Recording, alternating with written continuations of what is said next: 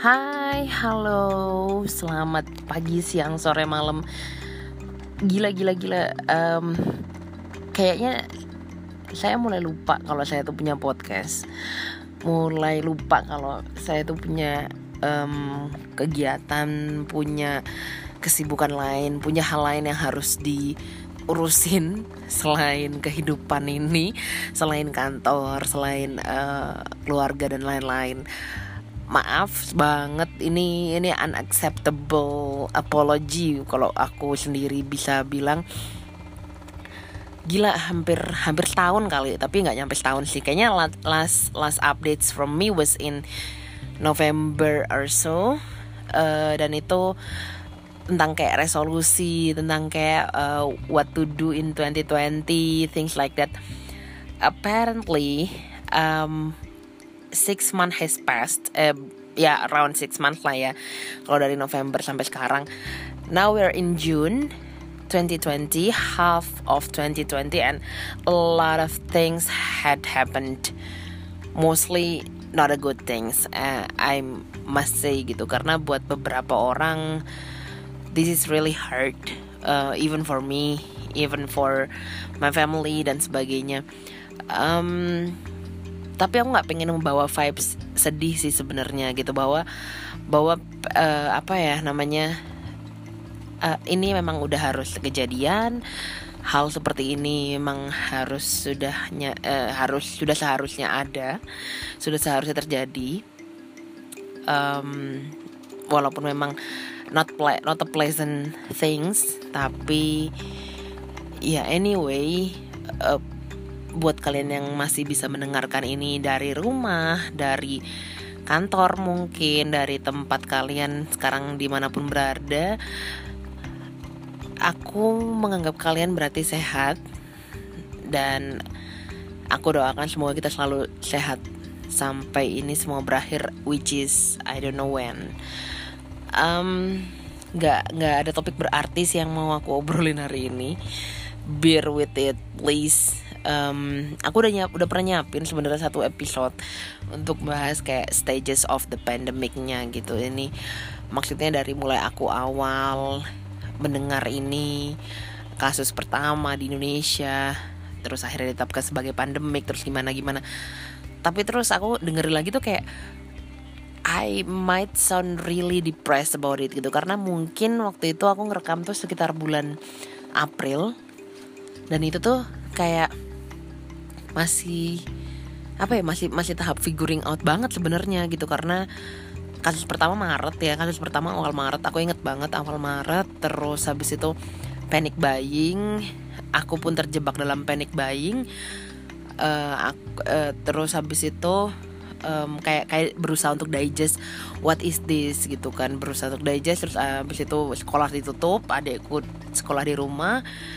Terus kantor mostly ditutup tapi kantorku I didn't have any chance to be at WFH jadi aku dari awal in ada kasus pertama di Indonesia sampai detik ini sampai sekarang aku masih ngantor dari kantor. Karena emang uh, kantorku bukan uh, mungkin bisa aja dibikin WFH cuman menurut aku nggak efektif juga sih karena kita memang harus banyak ke lapangan gitu ke pabrik terus harus uh, banyak koordinasi dan sebagainya. I didn't think it it it can be possibly be in WFH stage. So kita semua masih WFO dan dari awal di kantor itu terus ada heboh pandemik ini. Langsung kantor udah menerapkan protokol standar protokol yang harus di, dijalankan sama semua karyawan which is masker tuh wajib selalu on unless you are eating or drinking ya gitu. Um, pengecekan suhu pemberian vitamin pem, pendistribusian masker untuk semua eh, karyawan dan keluarganya. Uh, cuci tangan di beberapa tempat jaga jarak dalam pada saat absen apa semuanya. Pokoknya mostly udah ada standar protokol pada saat even walaupun Kementerian Tenaga Kerjaan belum mengeluarkan standar protokol kita udah jalanin um, terus juga uh, self isolated buat memang yang kebetulan habis ke zona merah dan sebagainya alhamdulillah dari around 200-an karyawan we are in a healthy environment, healthy condition dan semoga akan selalu begitu sampai sekarang. Jadi begitu kemarin ada dikasih protokol dari Kementerian Ketenagakerjaan, we're like ya ini memang udah kita lakukan gitu. Dari mulai awal uh, mindsetnya cuci tangan hanya pada saat mau makan sekarang cuci tangan tuh kayak bisa dibikin timer gitu kayak tiba-tiba uh, lagi in the middle of working cuci tangan ah gitu dan sebagainya. Terus dari mulai yang pakai masker sekali pakai susah nyarinya mahal dan sebagainya. Sampai akhirnya ke masker kain yang polos awalnya sekarang udah banyak banget masker kain yang lucu-lucu. I've been collecting like six or ten of them. And they're so cute. Jadi aku um, udah merasa bahwa masker itu bagian dari fashion juga gitu. Jadi ibaratnya kadang-kadang kalau mau ngantor aku pakai baju warna ini. Oh berarti maskerku warna ini gitu. Udah udah udah sampai mindset yang kayak gitu sekarang. Dan bagus lah gitu uh, karena memang harus udah dibawa enjoy gitu. Jadi nggak yang ha pakai masker dan sebagainya. Tapi memang dibawa enjoy bagian dari dibawa enjoy menurutku adalah menggunakan masker yang lucu-lucu atau yang kamu suka. Um, mix and match kan masker dengan outfit hari itu dan sebagainya. I didn't wear any makeup since then.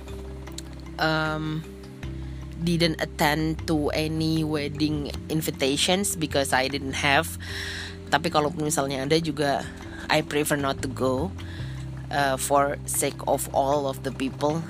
Terus I didn't wear any ya, ya lipstick is a part of makeup ya. Tapi um, apa namanya?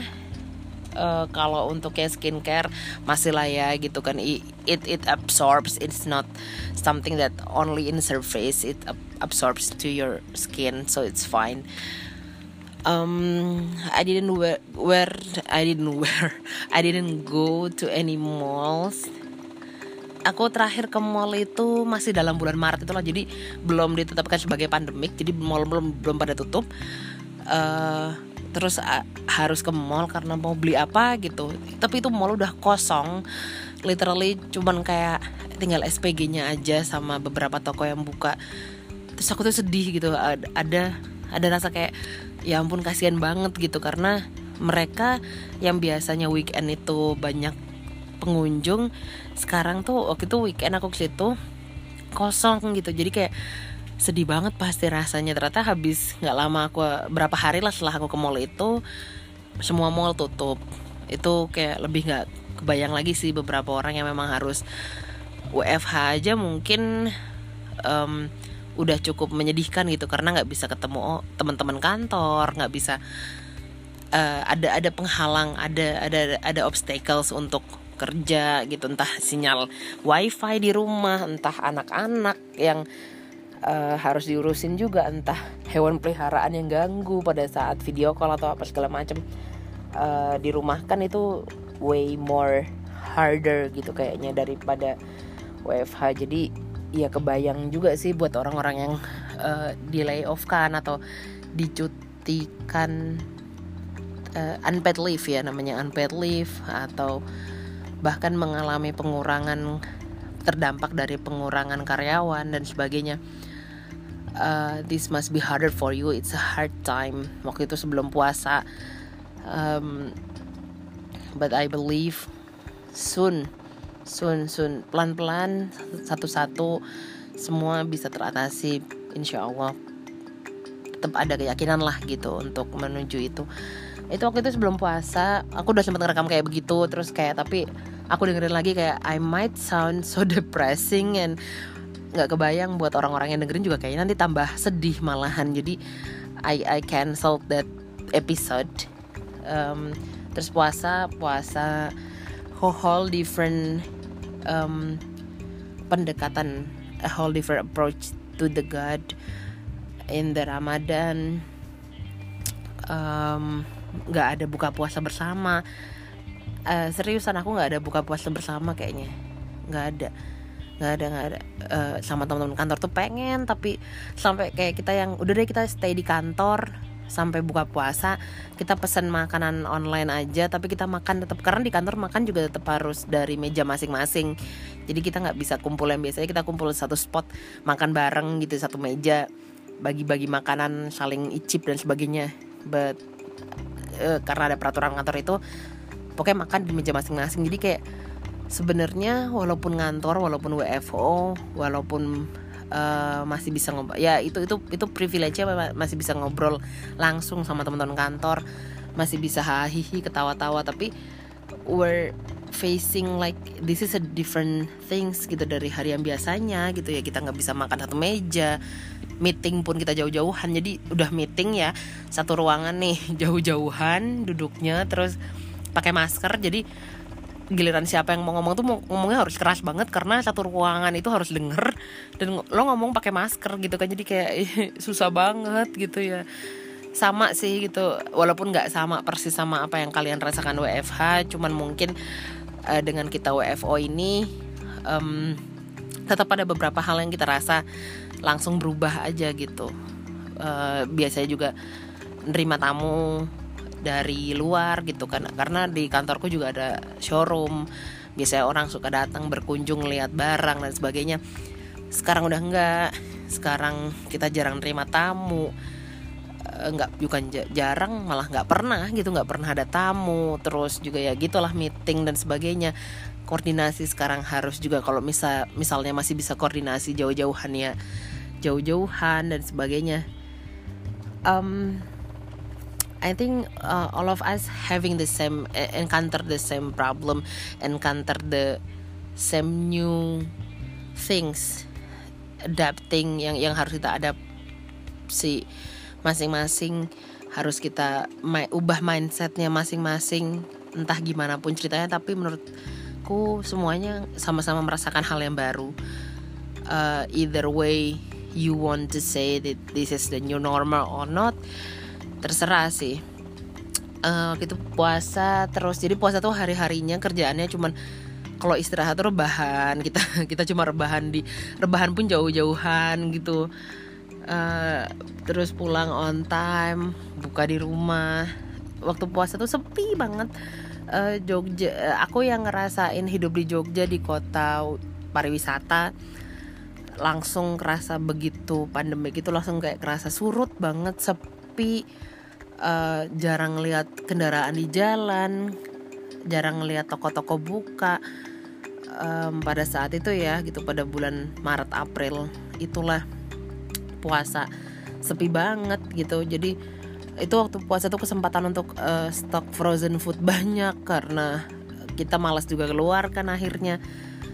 Um, yang paling kasihan sih sebenarnya juga sama uh, ini sih ya driver-driver ojek online. Karena um, udah jalanan sepi aja udah satu obstacle buat mereka puasa obstacle kedua lagi karena jarang orang keluar juga gitu jarang orang pesan makanan siang-siang mungkin. Um, habis itu lebaran lebaran kita juga ngerasain aku nggak sholat id.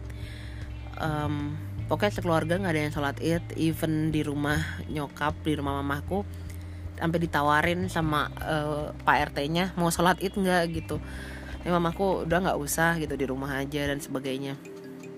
Mamaku sama adikku tuh udah kayak berapa bulan berarti bulan keberapa mereka nggak keluar rumah gitu. Kalau mamaku masih sih kadang-kadang yang kayak belanja ke toko sembako dan sebagainya gitu gitu kan masih. Cuman nggak yang nggak yang melihat uh, daerah. Pokoknya radius mamaku keluar tuh paling-paling dua kilo dari rumah gitu nggak yang lebih jauh lagi nggak udah udah nggak dari bulan Maret itu. Adik juga nggak ke sekolah gitu. She even sometimes forgot beberapa guru-guru yang nggak langsung ngajarin dia gitu. Karena kan kalau guru-guru yang ngajar mata pelajarannya yang uh, dia juga ambil kan masih ingat lah gitu karena masih ngasih tugas dan sebagainya. Tapi guru-guru yang nggak langsung ngajar dia tuh dia bilang siapa ya? Lupa pak. Siapa? Ibu siapa? Uh, sampai segitunya gitu. Sampai dia juga aduh sekolah kayak apa ya? Gitu. Padahal dia pernah ada pernah ada fasenya. Adekku tuh malas banget sekolah. Nggak mau sekolah mau ke sekolah dan sebagainya. Sekarang bila denger dia bilang ngangen sekolah tuh kayak tumben lah gitu. Itu kan kayak 180 derajat kebalikannya sama sama yang dulu dia bilang gitu um, untungnya dia nggak lupa nulis tangan karena sekolahnya langsung online semua. Jadi um, modelnya sih awalnya pakai uh, WhatsApp grup gitu. Jadi ada WhatsApp grup teman-teman sekelasnya sama guru wali kelasnya. Jadi guru mata pelajaran tuh akan ngasih pelajaran. Pokoknya jadi jadwal pelajaran tetap sama. Setiap kali jadwal pelajaran apa gurunya ngasih tugas apa segala macam entah itu submission tugasnya dalam bentuk foto dalam bentuk email dalam bentuk Google Form. Uh, tapi pokoknya tetap ada tetap ada pengajaran biasa lah. Tapi satu hal yang dia keluhkan adalah sebenarnya pasti uh, komunikasi antar teman gitu ya. Yang biasanya gampang nanya-nanya ke teman dan sebagainya. Sekarang ya nanyanya lewat WhatsApp gitu dan menurut dia itu udah nggak asik banget sih karena nggak bisa nanya langsung dia bilang. Terus juga apalagi pengajaran yang yang biasanya dia terbiasa gurunya ngajarin. Ini materi ini tentang ini di depan papan tulis dan sebagainya. Sekarang dia dipaksa harus belajar sendiri gitu. Jadi oke okay ya bab ini padahal bab bab bab A itu belum pernah dijelaskan sama gurunya tapi tahu-tahu udah dikasih tugas otomatis dia harus baca satu bab itu mengerti berusaha untuk mengerti. Kalau soal yang uh, hafalan mungkin dia masih dia bilang masih yang oke okay lah ya gitu. Karena itu dibaca dipahami dimengerti diujikan bisa. Tapi soal yang kayak matematika yang eksak banget gitu yang harus dijelaskan caranya kayak apa rumus dikasih rumus doang belum tentu bisa di substitut dengan soal-soal gitu harus benar diajarin. Bahkan akhirnya dia biasanya dia privat sama salah satu guru privatnya gitu. Uh, yang memang waktu itu kita cari guru privat. Kebetulan umuranku masih muda. Uh, dia juga apa sih namanya easy going orangnya dan sebagainya. Akhirnya dia juga sama guru privatnya lesnya tuh les privat online gitu yang lewat WhatsApp. Terus jadi kalau e, Mbak aku ada soal ini. Ini dengan rumus ini penyelesaiannya kayak gini. Bukan jadi konsultasinya tuh yang kayak pasif lah menurut dia kayak kayak dia ngobrol dia ngobrol sama orang tapi kan lewat chat itu kan it's not a good thing gitu menurut dia. Jadi kalau untuk uh, pelajar menurutku lebih banyak lagi sih adaptasinya lebih banyak daripada uh, kita yang bekerja gitu. Karena mereka tetap harus uh, mendapatkan pengajaran yang sama dengan waktu pelajaran yang sama tapi dengan cara yang jauh berbeda. Jadi buat anak-anak buat pelajar menurutku lebih susah beradaptasi lagi gitu. Kalau kita kan masih bisa masih banyak bisa ngontrol diri untuk nggak pergi masih banyak masih banyak cara lah gitu untuk uh, bisa bekerja dengan optimal. Tapi kalau untuk anak-anak kayaknya agak berat sih sebenarnya. Uh, ini minggu-minggu kena ujian kenaikan kelas buat adikku. Kayaknya hari ini terakhir deh uh, dia ujian kenaikan kelas. Itu pun dilakukan dengan cara online pakai Google Form. Jadi setiap guru mata pelajarannya bikin soalnya lewat Google Form pilihan ganda gitu. Either itu soalnya di capture terus di input di Google Formnya atau dia nulis gitu. Um, sebuah pengajaran yang benar-benar baru karena temennya adikku pernah ada yang nanya ini boleh kita boleh nyontek nggak ya? Kan kan nggak dilihat ya gitu dan sebagainya. Tapi akhirnya kembali ke integrasi integrasi kembali ke apa ya kejujuran masing-masing uh, siswa dan orang tua peran serta orang tua.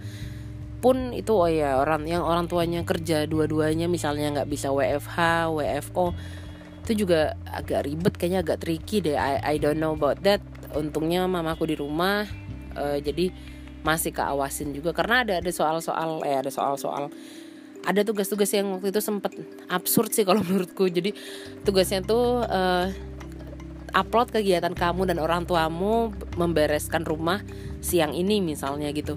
Ya harus upload dalam bentuk foto bareng orang tuanya lagi nyapu misalnya atau apa. Hal-hal yang kayak gitu kan yang kalau orang tuanya WFO dua-duanya gimana gitu? Aku kayak kepikiran aja kadang-kadang terus ada juga yang sistem ulangan kenaikan kelasnya. So orang tuanya harus ngambil soal di sekolah terus dikerjakan. Habis itu dikumpulkan lagi di sama orang tuanya ke sekolah lagi. Kalau rumahnya jauh gimana? Terus kalau ya itu tadi kalau orang tuanya WFO dua-duanya gimana? Kayak wow.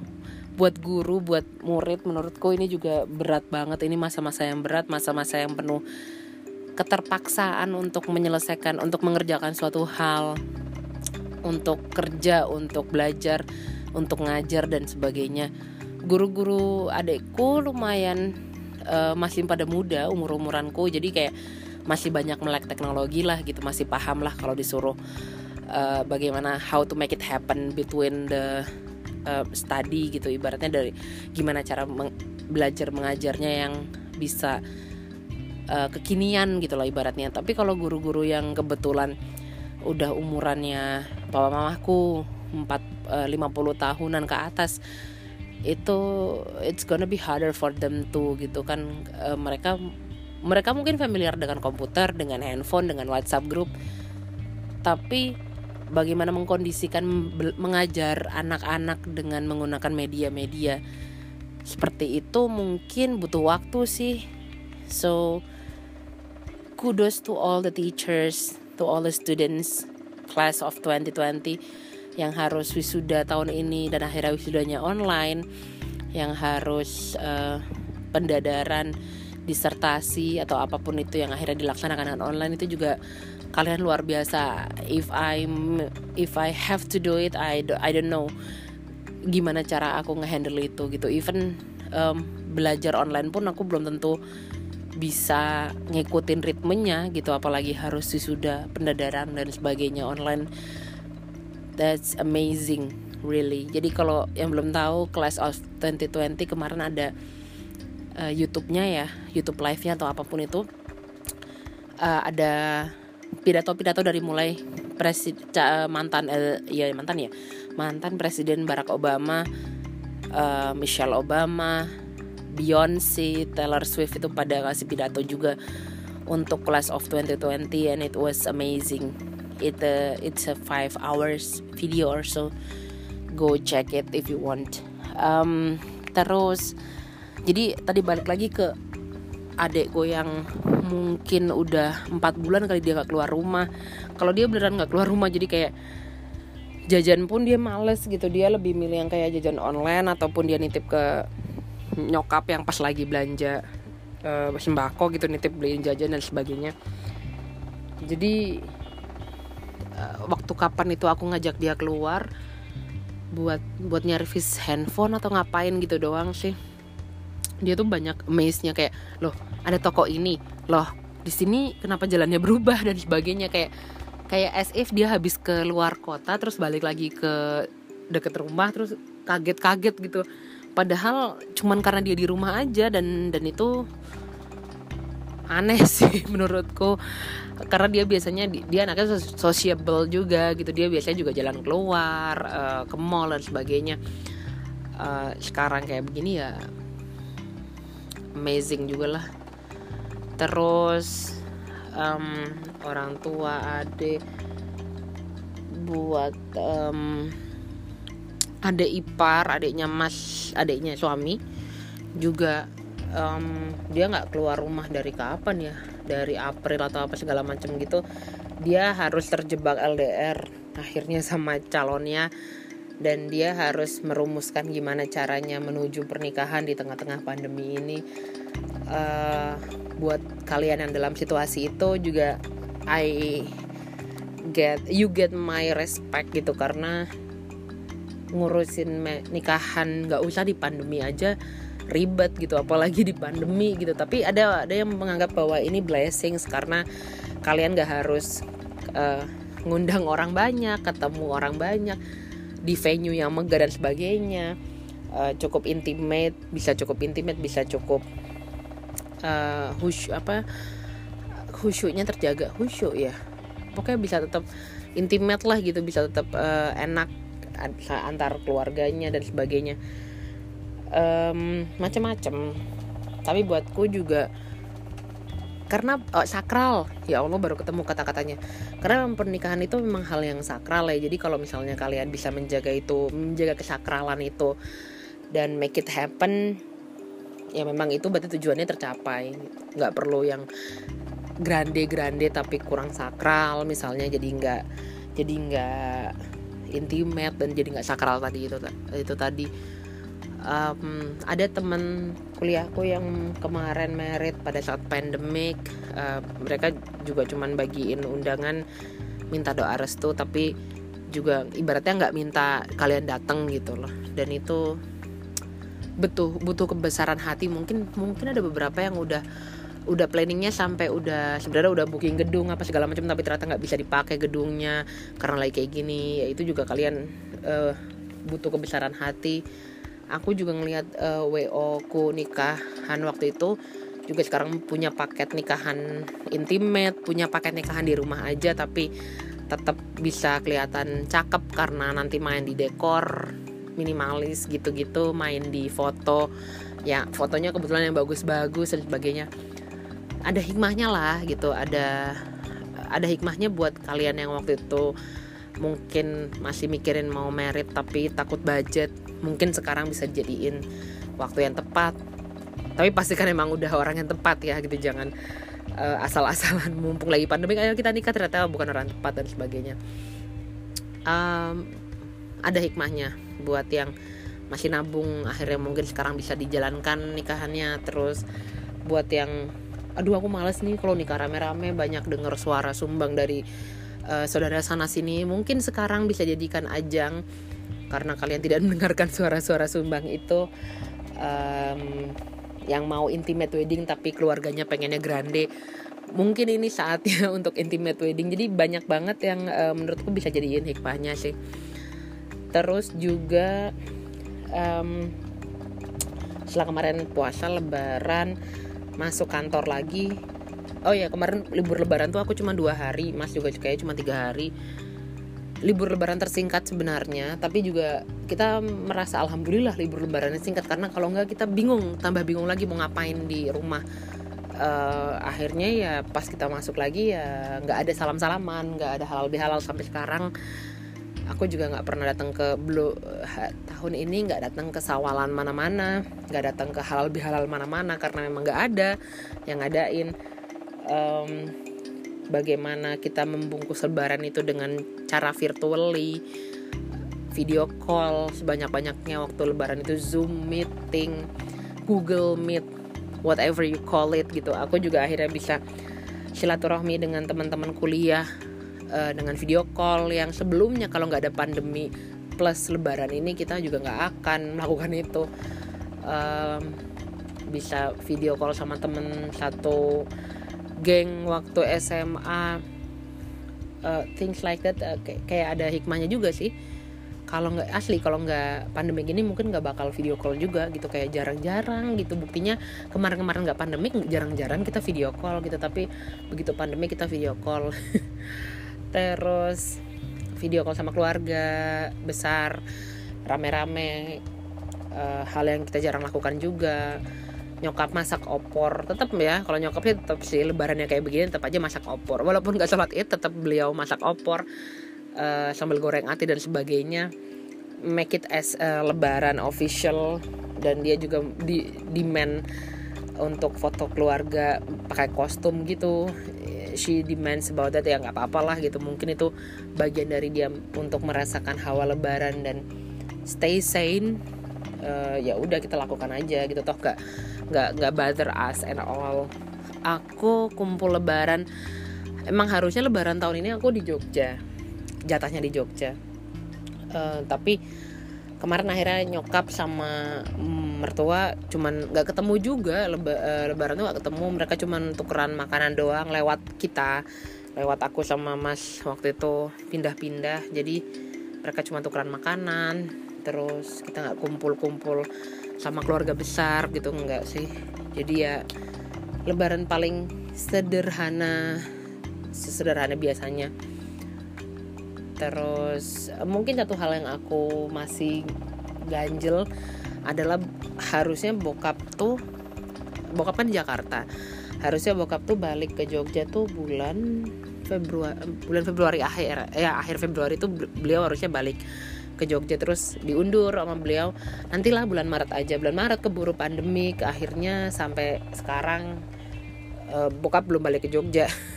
Jadi kita belum ketemu bokap tuh kayak uh, terakhir ketemu bokap tuh Januari. Waktu nyokap abis umroh ketemu bokap terus habis itu belum ketemu lagi ya. Kita akhirnya bolak balik video call dan sebagainya gitu. Ya ya to make him safe to make everybody safe. Uh, aku juga nggak pengen maksain papa harus pulang segala macam ya kalau beliau pengen ya ayo gitu. Tapi kita kita fasilitasi isolasi mandiri apa segala macam tapi kata beliau aku di sini aja lah oke ya udah kita terima keputusannya segala macam yang penting beliau sehat. We know that he's healthy he's happy.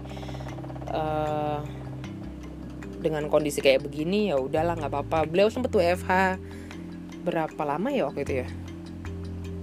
Pokoknya beliau sempat WFA terus habis itu ada WFO lagi. Jadi ya uh, pelan-pelan lah this is going well gitu. Sempat agak dari aku pribadi sempat agak sedih agak depres juga karena waktu waktu pandemi kayak begini aku dipaksa akhirnya mau nggak mau untuk jadi uh, apa bahasanya breadwinner.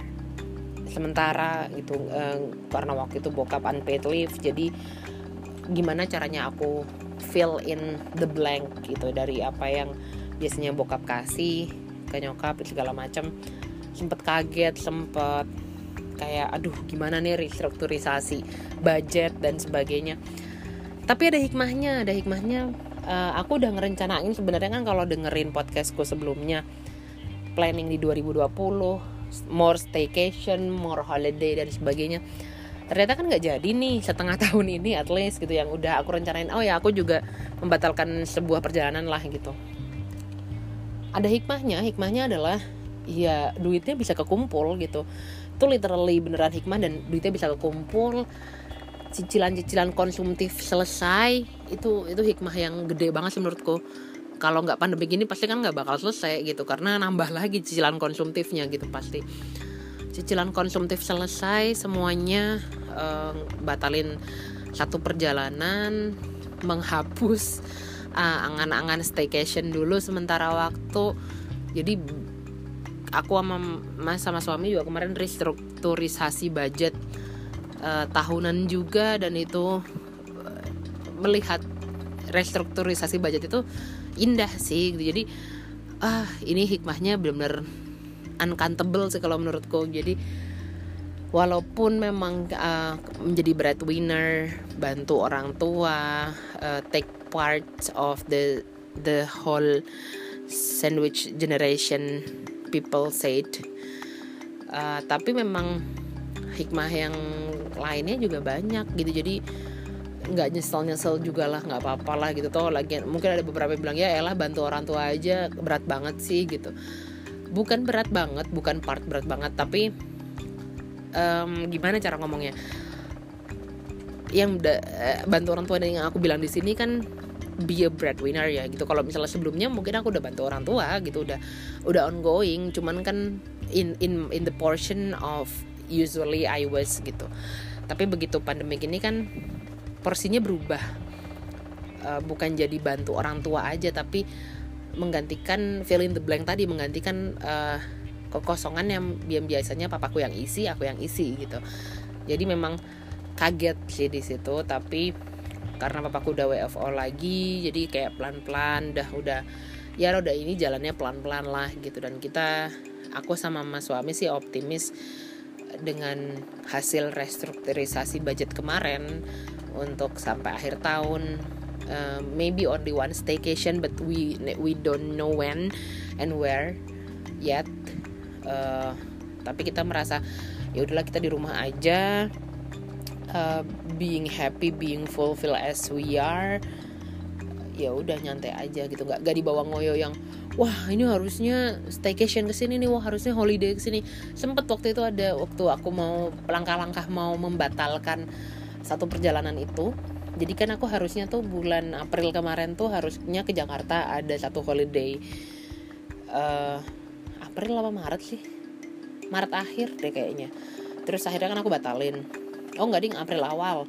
Aku batalin tuh itu sebelum batalin tuh aku drama gitu yang kayak wah ini kalau misalnya nggak nggak heboh heboh banget gue tetap mau berangkat lah bodo amat segala macam waktu itu waktu itu angka jumlah pasien positifnya itu belum sampai 100 memang se Indonesia terus aku yang kayak masih maksain uh, ya kalau nggak parah-parah banget kita tetap berangkat lah kita tetap holiday segala macam ternyata begitu aku ngomong kayak gitu tuh langsung angkanya tuh langsung dari 100 200 segala macam. Terus aku yang kayak oke okay, we're not going.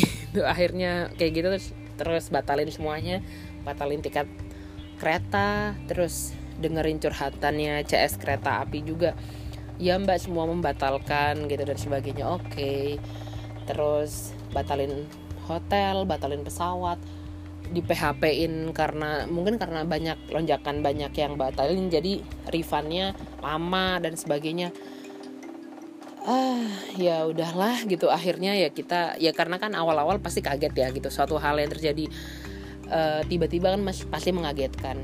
Tapi lama-lama kita bisa digest kita bisa menyadari oke okay, it's fine gitu. Dengan nggak staycation juga kita nggak apa-apa. Dengan nggak liburan juga kita nggak apa-apa. Yang penting kita di rumah aja sehat kita bisa menjaga kesehatan keluarga menjaga kesehatan diri sendiri. That's enough gitu. Jadi ya ya udahlah lama-lama di digest gitu dan lama-lama males akhirnya gitu. Kalau misalnya sekarang udah sampai stagesnya new normal katanya uh, pemerintahan katanya pemerintah tanggal 7 Juni kemarin udah pada ngantor. Uh, eh belum nih 7 tuh tanggal merah bukan sih? 7 tuh hari Minggu 8 ngantor. Ya ya pokoknya gitulah udah mulai banyak yang WFO selang-seling mungkin atau 50% doang diisinya atau apa segala macam buatku uh, nothing's normal sebenarnya. Nothing's normal nothing's new normal gitu. Jadi uh, kemarin temanku ada nanya sih gimana nih new normal? Aku nanya balik lo tahu gue dari awal masih WFO lo tahu gue dari awal kagak ada pengurangan karyawan alhamdulillah dan sebagainya. Lo tahu gue tetap ngantor jamnya tetap dan sebagainya.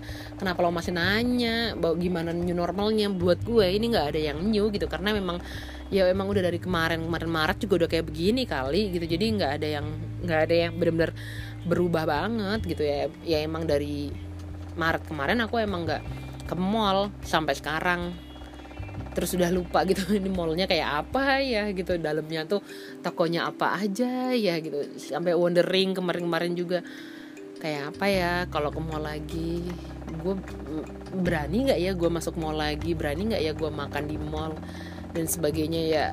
Ada rasa pengen tapi ada rasa juga yang kayak ya elang nggak usah egois egois banget lah kalau emang nggak perlu nggak usah gitu. Kalau emang masih bisa belanja online dan ternyata masih banyak promonya ya belanja online aja kalau memang pengen makanan mall ya udah uh, pesan aja lewat online dan sebagainya. Huh, beginilah. Terus kemarin juga ada nanya uh, dengan pandemi kayak gini tuh lebih boros nggak sih? Lebih konsumtif nggak sih?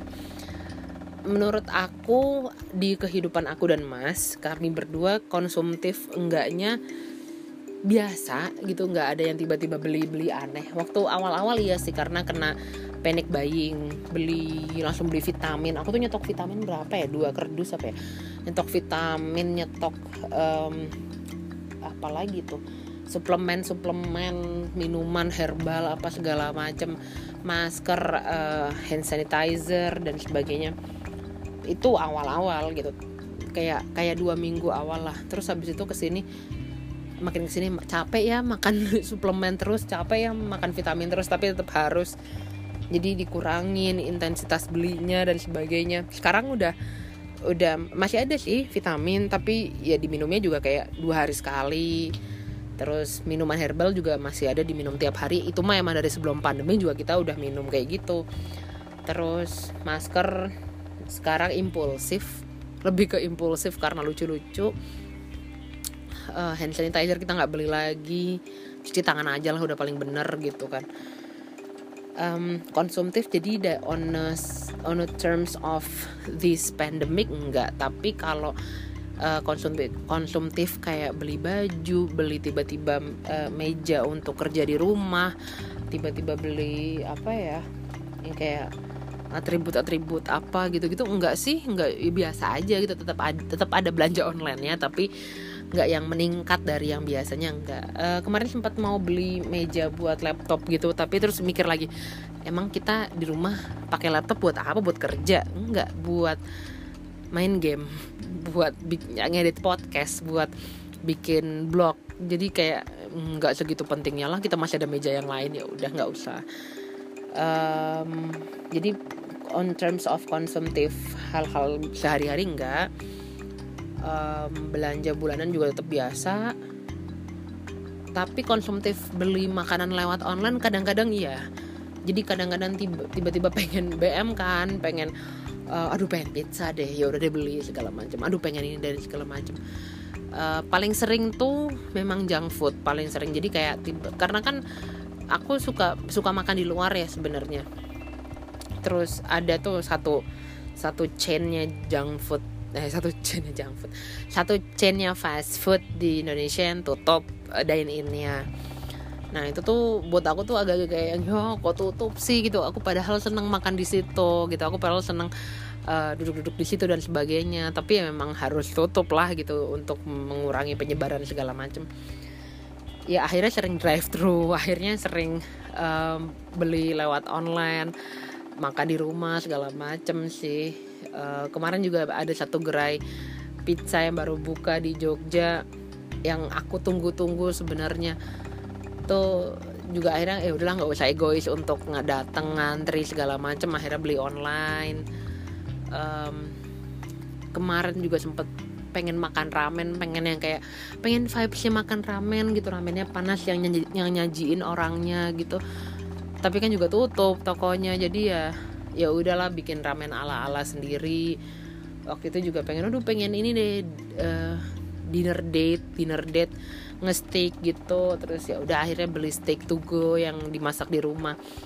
Uh, itu mungkin konsumtifnya sama itu mungkin hal yang menurutku kerasa baru new normalnya tuh itu malahan uh, on terms of eating outside and inside. Uh, akhirnya ya ya harus adaptasi gitu kemarin akhirnya pas mam takbiran tuh combo aku pengen uh, makan pizza dari si gerai baru itu aku beli online pengen nyetik aku beli steak yang ready to cook akhirnya masak sendiri makan di rumah. Uh, that's that's kind of new lah menurut aku. Tapi juga ya asik sih uh, nyetok apa jajanan buat di rumah. Buat kalau weekend kan di rumah aja terus daripada krik-krik nggak ngapa-ngapain ngapain ya main game udah apa segala macem ngemil. Paling itu sih yang baru terus apa ya uh, konsumtifnya soal makanan itu kalau menurut aku. Tapi masak sendiri eh uh, masak sendiri enggak. Masih tetap beli uh, walaupun ada beberapa temanku yang ngomong lo yakin emang kalau beli terus drivernya tuh bersih udah cuci tangan yang masak juga udah cuci tangan nggak lagi sakit dan sebagainya. Uh, ya keyakinan itu keraguannya ada tapi lebih besar keyakinan kalau gue pengen makan makanan itu jadi babat aja gitu. Dan dengan kita juga menjaga protokoler diri sendiri lah gitu. Kalau uh, apa yang yang yang hal yang nggak bisa kita kontrol ya udah nggak usah dipikir pusing lah gitu-gitu sih sebenarnya. Terus new hobbies new hobbies new hobbies. Beberapa aku lihat di Instagram banyak yang jadi hobi berkebun. Aku sosokan pengen nyoba-nyoba berkebun.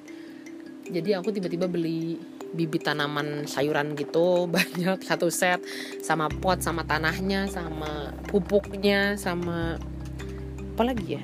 Pokoknya yang kayak periferalnya gitu kit berkebun dasar gitu terus uh, aku tanam tiga hari segala macam belum tumbuh kan lama.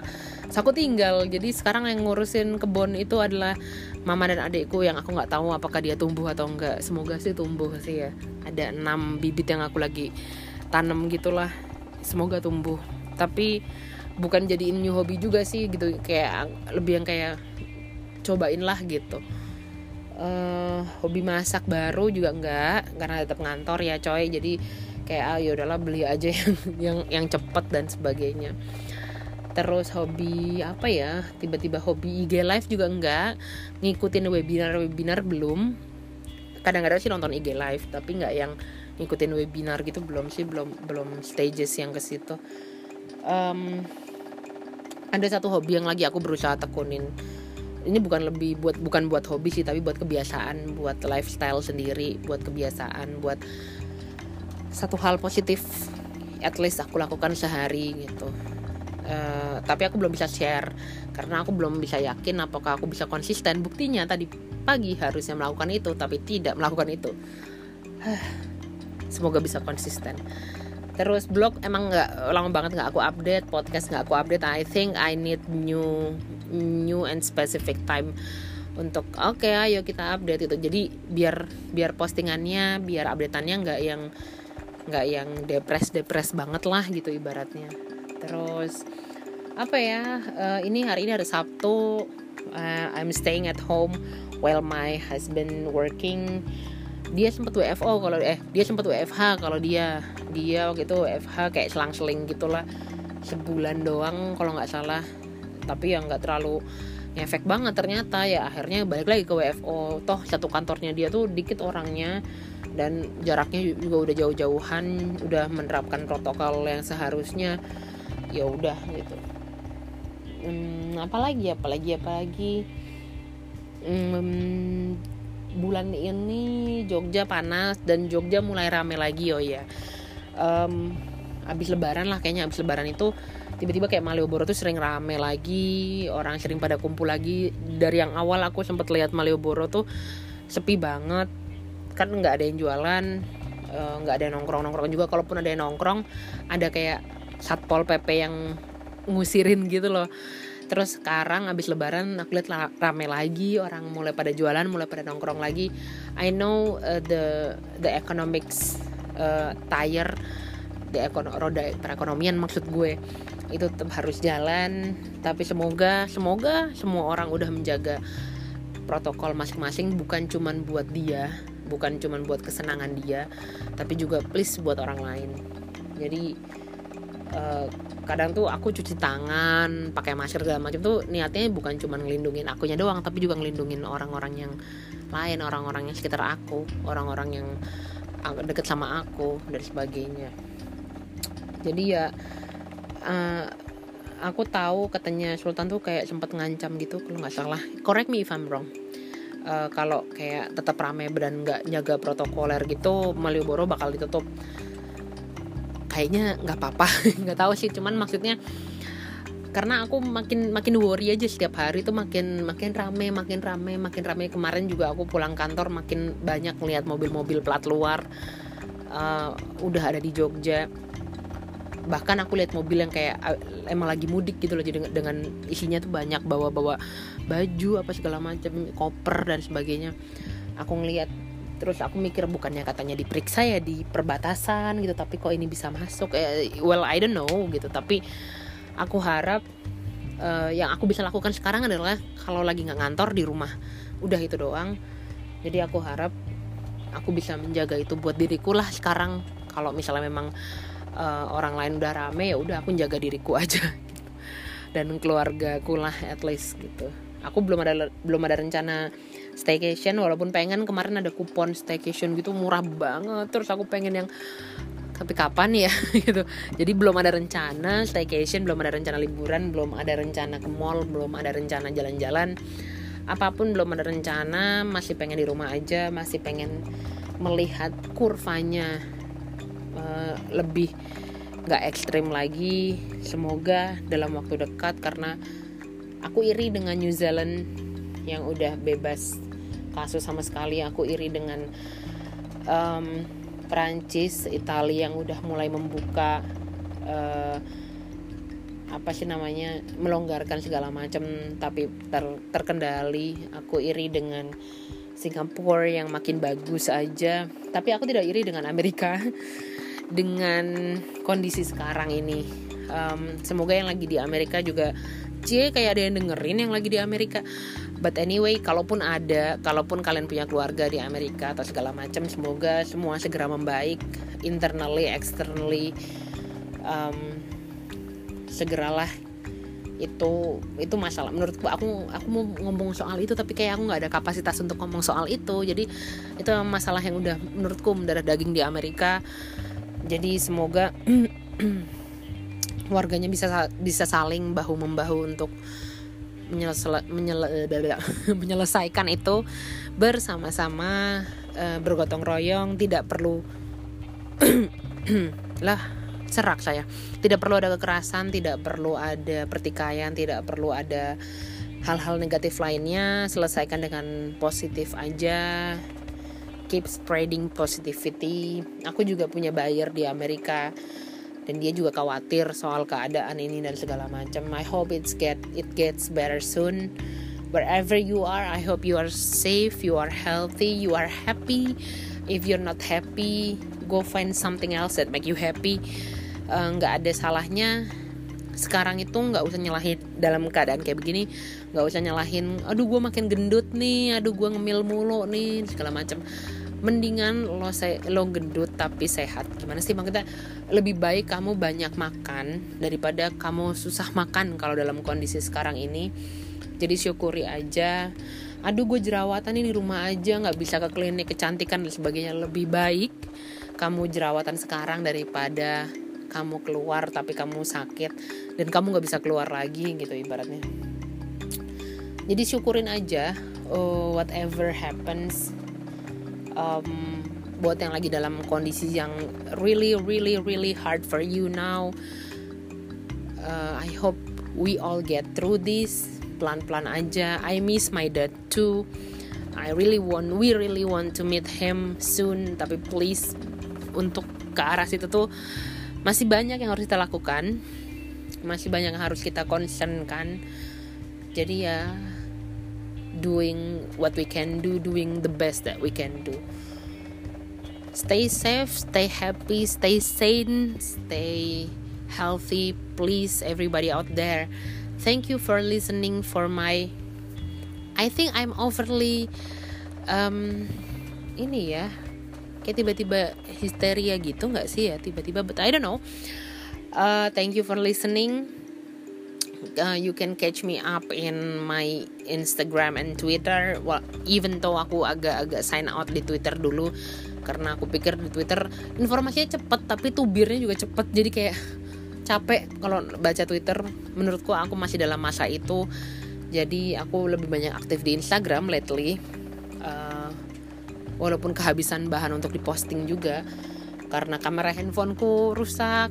So ya yeah, um, kita masih bisa catch up di email di uh, DM dan sebagainya. Correct me if I have said something might be wrong di barusan-barusan ini. Uh, keep staying inside. Stay at home first. Let me know if you are now kadang-kadang banyak yang sekarang lagi ini ya lagi jualan-jualan lagi mencoba untuk jualan untuk bantu perekonomian keluarganya dan sebagainya. Let me know kalau kalian jualan sesuatu yang mungkin aku bisa beli. Uh, preferably makanan sih sebenarnya sama masker lucu-lucu. Uh, I've been craving for masker lucu-lucu lately.